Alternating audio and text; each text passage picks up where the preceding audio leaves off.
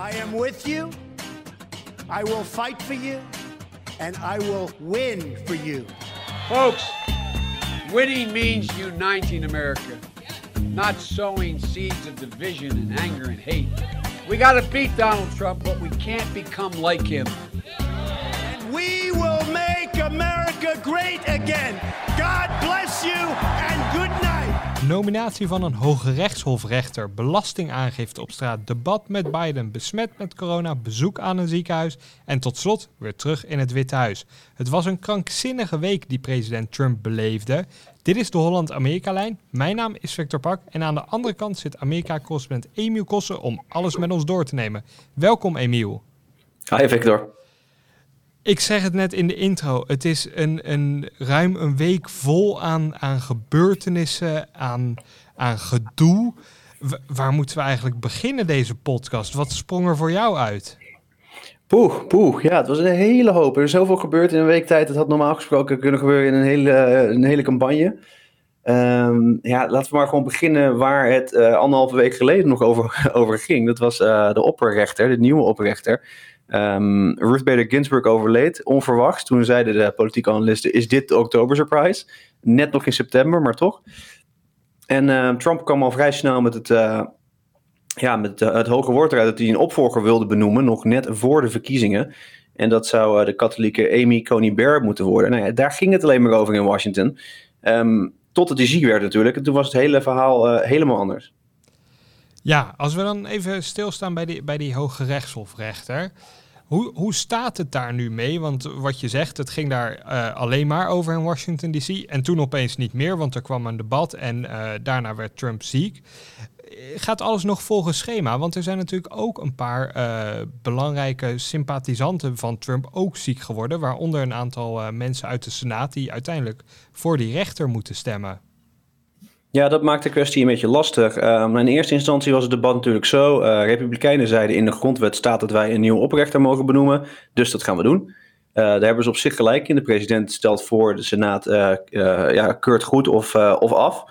Um, de Democraten zeiden van ja, het is zo kort voor de verkiezingen, dit kan je niet maken. We moeten het doen na de verkiezingen, hopende dat Joe Biden zou winnen, dat de Senaat misschien flipt. Um, nou goed, de Republikeinen hadden plannen om um, volgende week al uh, een, een, een, hearing te houden, een, eh, een, verhoor te houden, een soort van sollicitatiegesprek met uh, de rechter. Um, dat is nu verplaatst en dat komt inderdaad ten dele omdat een, een, een, deel van de, de senatoren, ja, die zijn dus ziek geworden op hetzelfde evenement waar Trump waarschijnlijk ook ziek is geworden.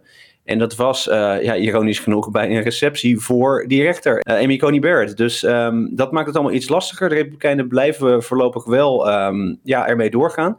Een van de zieke uh, senatoren zei dat hij zelfs in een, in een gaspak zou komen opdagen in de Senaat. als hij als die uiteindelijk zijn stem maar kon uitbrengen voor Amy Coney Barrett.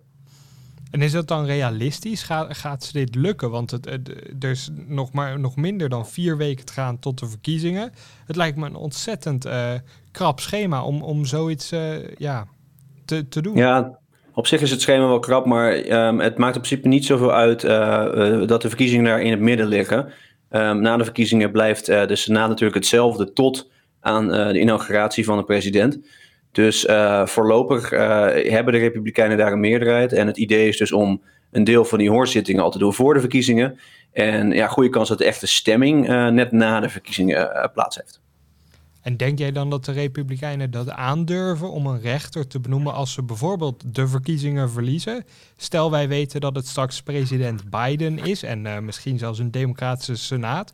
Gaan de Republikeinen dan dit echt doen? Het lijkt me nogal brutaal. Ja, het is brutaal. Het is een beetje een last stand eigenlijk. Hè? Um, wat verlies je ermee? Dat is dan de vraag. Uh, je krijgt dan een conservatieve rechter, waardoor um, uh, het Hoge Rechtshof nou ja, misschien wel de komende 20, 30, 40 jaar misschien wel uh, zeer conservatief is. Um, maar ja, je zorgt er wel voor dat je meteen samenwerking met de Democraten voor de komende jaren op een lager pitje zet. Dat is een beetje de afweging dan.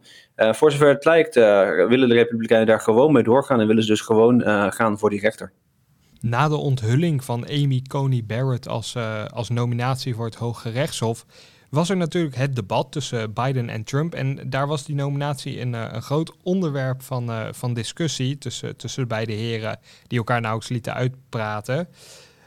even leek dat inderdaad die, die oktober surprise te zijn, ook al viel die net aan in, in september.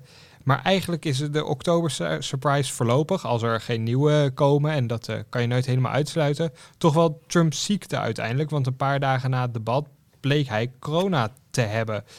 Hoe heb jij dat beleefd, die, die, die storm aan, aan nieuws en, uh, en Trumps ziekte? Dat is een vrij opvallende episode. Um, eerst hoorden we hier dat Hope Hicks, een van Trumps adviseurs, um, corona had opgelopen. Ik geloof dat het op een woensdag was. Um, op een donderdag werd ze ziek. en toen was meteen de vraag, uh, ja, hoe is het dan met Trump? Want Trump had de afgelopen dagen met haar in vliegtuigen gezeten, uh, naar evenementen gegaan, et cetera. daar hoorden we een tijd lang niks van. Toen is eigenlijk heel Washington naar bed gegaan. En om ja, ergens midden in de nacht hebben ze naar buiten gebracht dat, dat Trump daadwerkelijk besmet was.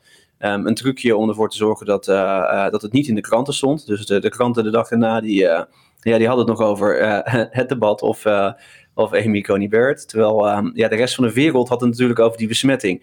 Um, in eerste instantie werd gezegd dat er niet zoveel aan de hand was. Uiteindelijk, ja, een paar uur later moest hij naar het ziekenhuis.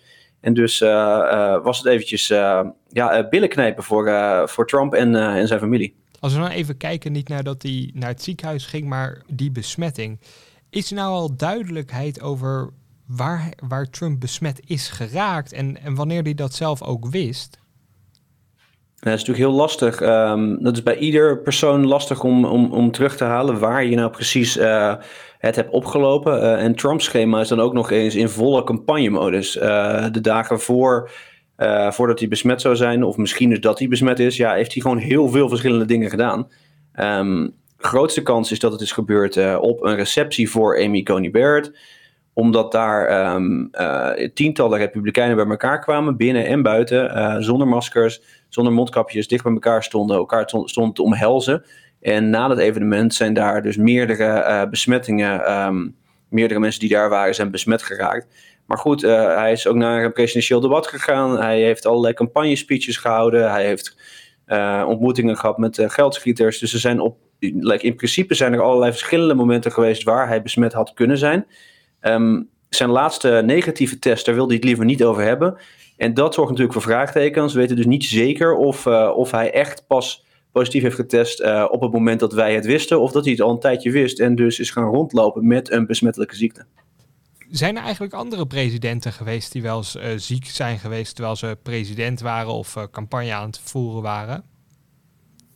Ja, zoals wel vaker lijkt het Trump-presidentschap ongeëvenaard. Um, in dit geval uh, omdat hij dus het virus opliep en omdat zijn doktoren uh, ja, tegenstrijdige informatie verspreiden. Maar als je teruggaat in de Amerikaanse geschiedenis, is dat wel eens vaker gebeurd. Um, Wilson in um, de jaren 20 van de vorige eeuw, Woodrow Wilson, die liep de Spaanse griep op. een beetje de voorloper van het coronavirus, in, terwijl hij in Frankrijk was heeft hij nooit verteld aan iemand. Uh, zijn dokter kwam er uiteindelijk mee naar buiten in een boekje nadat Wilson was overleden. Um, het hele land wist dat dus niet.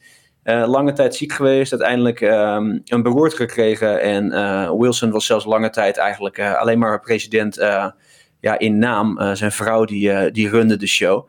En Franklin Delano Roosevelt, FDR, die, um, die voerde in 1944 zelfs campagne terwijl hij wist dat hij doodziek was. Hij wist dat hij nog maar een paar maanden te leven had, uh, vertelde dat niemand. Uh, verscheen bijna niet op, TV of op de radio destijds. Um, en, en, en zocht zelf een, een opvolger uit. hij had een, een vicepresident, Wallace, die vond hij eigenlijk niks. En dus zocht hij een nieuwe vicepresident die, die dan kon klaarstomen als, als, als nieuwe leider. En dat werd uiteindelijk Harry Truman. Um, zegt dat nog iets voor vandaag de dag? Het zou kunnen. We weten niet zo goed hoe Trumps gezondheid is. We weten ook niet zo heel goed hoe, hoe Bidens gezondheid is. Die is uh, eh, 78 als hij het Witte Huis betreedt. Dus um, ja, dat zijn interessante historische analogieën. En um, nou ja, het is maar te hopen dat het, dat het geen voorbode is voor wat er kan gebeuren voor Trump of Biden. Trump staat dus niet alleen in de traditie om je vitaler voor te doen dan je bent. Het virus uh, greep Trump zo erg aan dat hij uiteindelijk naar het ziekenhuis moest. Dat zou uit voorzorg zijn. Trump was zelfs zo berekenend dat hij pas wilde vertrekken naar het ziekenhuis nadat de beurzen op vrijdagmiddag waren gesloten. Ook rondom de ziekenhuisopname is veel onduidelijkheid. Kan jij ons nou precies vertellen hoe Trump is behandeld en hoe zijn gezondheid op dit moment is? Nou ja, Trump staat bekend om zijn, uh, om zijn smetvrees en hij heeft een enorme afschuw van ziekenhuizen. Dus het feit dat hij uiteindelijk naar het ziekenhuis moest, uh, per Marine One in de helikopter, um, ja, zegt een hoop over zijn toestand op die vrijdag. Had hoge koorts um, en was echt flink ziek. Uh, hij kreeg een experimentele behandeling en dat, ehm, dat sloeg bij hem heel erg aan. een paar dagen later ging het dermate goed dat hij het ziekenhuis weer uit mocht. Maar ja, corona duurt een paar weken voordat je daar overheen bent. Dus um, wordt er nu gedaan alsof hij al helemaal fit is? Dat is niet zo. Hij verschijnt niet echt in het publiek. En de video's die hij naar buiten heeft gebracht, daar zie je hem hevig op hijgen. Dus um, zoals een dokter ook zei, hij is nog niet helemaal, um, helemaal uit de gevarenzone. Maar ja, Trump lijkt wel lijkt ermee weg te komen. En dat is, dat is op zich ook al heel wat voor, voor een man die dik in de 70 is, een beetje overgewicht heeft. Een weekendverblijf in het ziekenhuis dus de behandeling die jij daar precies heeft gehad is, uh, was experimenteel. Op een gegeven moment was hij wel fit genoeg om nog even een rondje te maken langs uh, zijn fans die zich uh, voor de poorten van het ziekenhuis hadden verzameld. Dat viel niet helemaal in goede aarde. Ja, het was typisch Trump. Um, ik denk dat hij op één dag heeft hij niet getweet. Dus dat liet dan zien dat hij die dag echt flink ziek was. Um, en de rest van de dagen was hij gewoon PR-relletjes aan het uitvechten. Uh, een daarvan was dus om uh, een rondje te rijden rond het ziekenhuis waar hij lag, terwijl hij ziek was. Um, terwijl hij dus besmettelijk was, stapte hij in de auto met een aantal chauffeurs die zichzelf in, in, in gaspakken moesten hijzen. Om even te zwaaien naar zijn supporters. Dat vond links Amerikaan natuurlijk helemaal niks. Die zei dat is onverantwoord, waarom doet hij dat nou? Um, en ja, het werd eigenlijk alleen maar erger nadat hij uit het ziekenhuis um, was ontslagen. Dat, dat gebeurde trouwens nadat hij al dagenlang zei: Ik wil naar huis. Um, toen, uh, toen stapte hij de helikopter uit, deed meteen zijn mondkapje af en uh, ging Pardoes een fotoshoot staan doen. Dus uh, dat liet wel zien dat hij in ieder geval de beter in de hand is en dat Trump ja, constant denkt aan zijn, zijn imago. Um, dat moet nu ook een campagne-slogan worden om te laten zien aan het volk wat voor sterke man hij is. Hij kan corona aan, hij kan alles aan. Um, ja, het is een, een, een twijfelachtige strategie, omdat er meer dan 200.000 Amerikanen dood zijn gegaan. Maar ja, het is de weg die de Trump-campagne nu, nu opgaat. Toen Trump in het ziekenhuis verbleef, werd zijn vicepresident Mike Pence alvast een beetje klaargestoomd om een wat prominentere rol in de campagne aan te nemen. Het toppunt daarvan was natuurlijk het debat tussen Harris en Pence. Daar was ontzettend veel aandacht mee gemoeid. Want niet alleen Trumps gezondheid uh, is wat fragiel gebleken, ook rondom Biden zijn er natuurlijk wel wat vraagtekens. Bovendien, of Trump of Biden nou wint, het wordt de oudste president ooit uh, op de dag van de inauguratie, 20 januari 2021. Dat debat was woensdagnacht, uh, voor mij althans, voor jou woensdagavond in, in Amerika. Hoe heb je dat bekeken?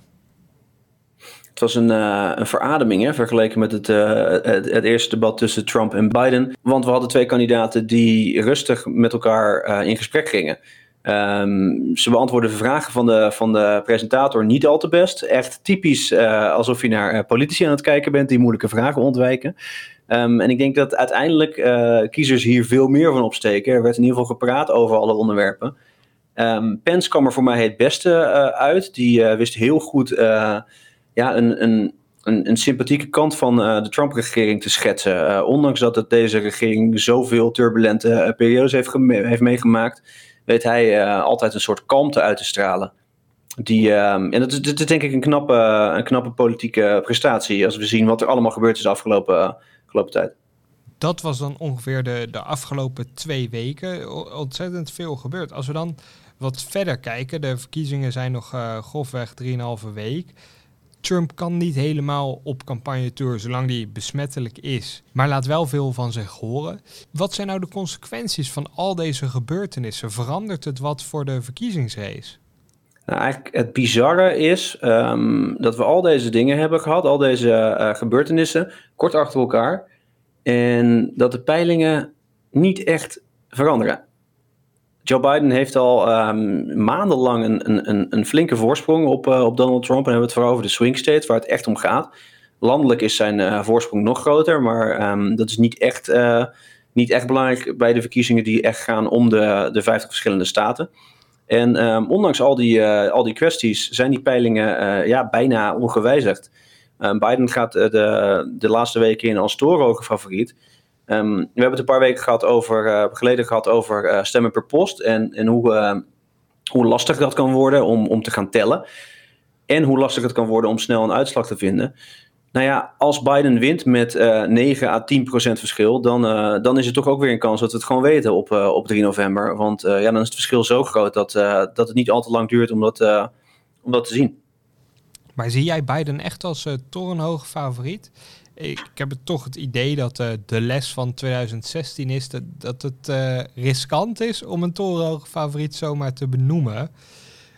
Kan Trump niet nog als een duveltje uit een doosje ja, ergens de stemmen vandaan halen?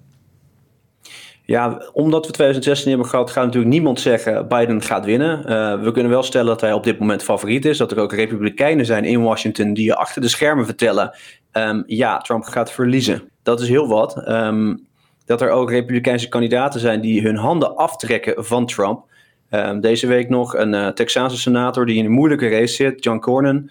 Ehm, die, uh, die Trumps coronabeleid bekritiseerde. Dat zijn duidelijke tekenen dat zelfs de Republikeinen zich nu indekken voor een verlies. Um, dat deden ze in 2016 ook een beetje. Dus ook daar blijft een, uh, een asterix uh, van sprake. Maar ja, Trump moet echt heel hard aan het werk om, om, om dit nog te veranderen. En zoals je al zei, ja, campagnevoer kan hij waarschijnlijk de komende tijd niet. dus dat moet allemaal gebeuren vanuit het Witte Huis of door, door vicepresident Mike Pence. Je schetst een gigantische uitdaging voor Trump. Is er, zijn er nog hoopvolle signalen voor de president? Nou ja, zoveel positieve uh, signalen zijn er eigenlijk niet meer voor uh, de Trump-campagne. Het aantal zwevende kiezers uh, neemt af. Het is nog zo'n 5%. En zelfs als Trump al die kiezers zou weten te overtuigen, dan haalt hij Joe Biden in de peilingen nog steeds niet in. Um, zijn enige hoop is om echt te focussen op een x-aantal swing states en daar um, ja, een minieme overwinning te behalen, net zoals hij in 2016 deed. Maar ja, zijn kansen die zien, er, die zien er dus niet zo goed uit. The president, as you know, has been tweeting today about Puerto Rico. As we sit here testifying, the president is attacking you on Twitter. Twitter is a wonderful thing for me because I get the word out. She is far further left than crazy Bernie. Biden would not last a month. Ja, als we dan kijken naar wat Trump nog kan doen, dan uh, klinkt dit een beetje als de, de slotboodschap hè, van, uh, van de Republikeinse campagne. Ja, even uitleggen. Um, de zij in deze tweet, zij is uh, veel linkser dan gekke Bernie, is Kamala Harris, de vicepresidentskandidaat van Joe Biden. Trump hint er hierop dat Biden zo oud is dat hij misschien wel na een maand zou overlijden. En um, dat dan Harris de president wordt, dat wordt een beetje voorgesteld hier in conservatieve kringen als een soort schrikbeeld. Omdat um, Harris in, bepaal, tijdens bepaalde periodes in haar carrière vrij links was. Ze heeft ook periodes gehad waar ze juist heel gematigd naar voren kwam, zoals toen ze aanklager was in de staat Californië. Maar um, ja, de Republikeinen hebben het liever over haar, over haar linkse streak. Als presidentskandidaat stelden ze bijvoorbeeld voor om fracking te verbieden. Wilden ze een zorgverzekeringssysteem voor iedereen betaalbaar maken. Dat klinkt als radicaal in de oren hier in Amerika. Um, en dat zou zomaar eens een, een effectief argument kunnen zijn. Het is ook een argument dat Mike Pence gebruikte in zijn debat met, met Harris. waar hij meerdere keren zei dat, dat Harris eigenlijk te links is voor Amerika. En dat, um, dat we niet moeten onderschatten hoe groot de kans is dat zij president zou worden als ja, als Joe Biden op een bepaald moment echt te oud wordt. Trump probeerde die aanvalslijn ook al in te zetten in het eerste debat. Verwacht jij dat hij dit gaat herhalen in, de, in het tweede en derde debat? Ja, het argument uh, Joe Biden is een socialist, dat maakt hij al langer. Um, dat lijkt me een stuk minder effectief, omdat Joe Biden al meer dan 40 jaar um, bekend staat als, als ja, gigantische centrist. Die zeggen vrijwel nooit iets wat afwijkt van, ja, van het gematigde midden. bij Harris is daar dus wel iets van aanleiding voor om in ieder geval die angsten uit te buiten. En dat zou politiek gezien um, dus iets slimmer kunnen zijn voor de Trump-campagne. Maar uiteindelijk is altijd de meeste aandacht voor de presidentskandidaat en niet voor de vicepresident. Dus het is maar afwachten hoeveel deze aanvallen op Harris echt, echt gaan uitmaken. Toch zijn er nog zo'n ruim 3,5 week te gaan komt er dan echt niks meer? Heb jij nog iets van, van verwachtingen? Want als, als we nu al de oktober surprise hebben gehad, dan, dan wordt het zo saai, ben ik eigenlijk bang voor. Nou, saai gaat het niet meer worden. Uh, anderhalve week geleden hadden we ook niet kunnen voorspellen dat we, dat we een, uh, een zieke president zouden hebben, uh, et cetera, et cetera. Um, Joe Biden die probeert het zo saai mogelijk te maken. die probeert zo min mogelijk campagne te voeren. Die probeert geen gekke dingen te zeggen. Die probeert vooral Trump aan het woord te laten. Dat is een strategie die tot dusver lijkt te werken. Maar ja, uh, je weet het niet, hè? dat virus dat waart zich nog steeds door Amerika. Uh, Trump kan nog steeds uh, een, een, een, konijn uit de hoge hoed toveren. saai gaat het in ieder geval niet worden de komende weken. Um, maar ja, de vraag of die peilingen nog echt gaan veranderen en of de, de verkiezingsuitslag daarmee gaat veranderen. Ja, die kans wordt natuurlijk hoe, hoe dichterbij we 3 november komen steeds kleiner. Saai gaat het dus toch echt niet worden. Gelukkig zijn wij er volgende week weer om wat orde te scheppen in de chaos die het ongetwijfeld ook dan nog kan zijn. Graag tot dan. Vergeet u niet te abonneren op ons podcastkanaal, zodat de volgende aflevering vanzelf in uw feed belandt.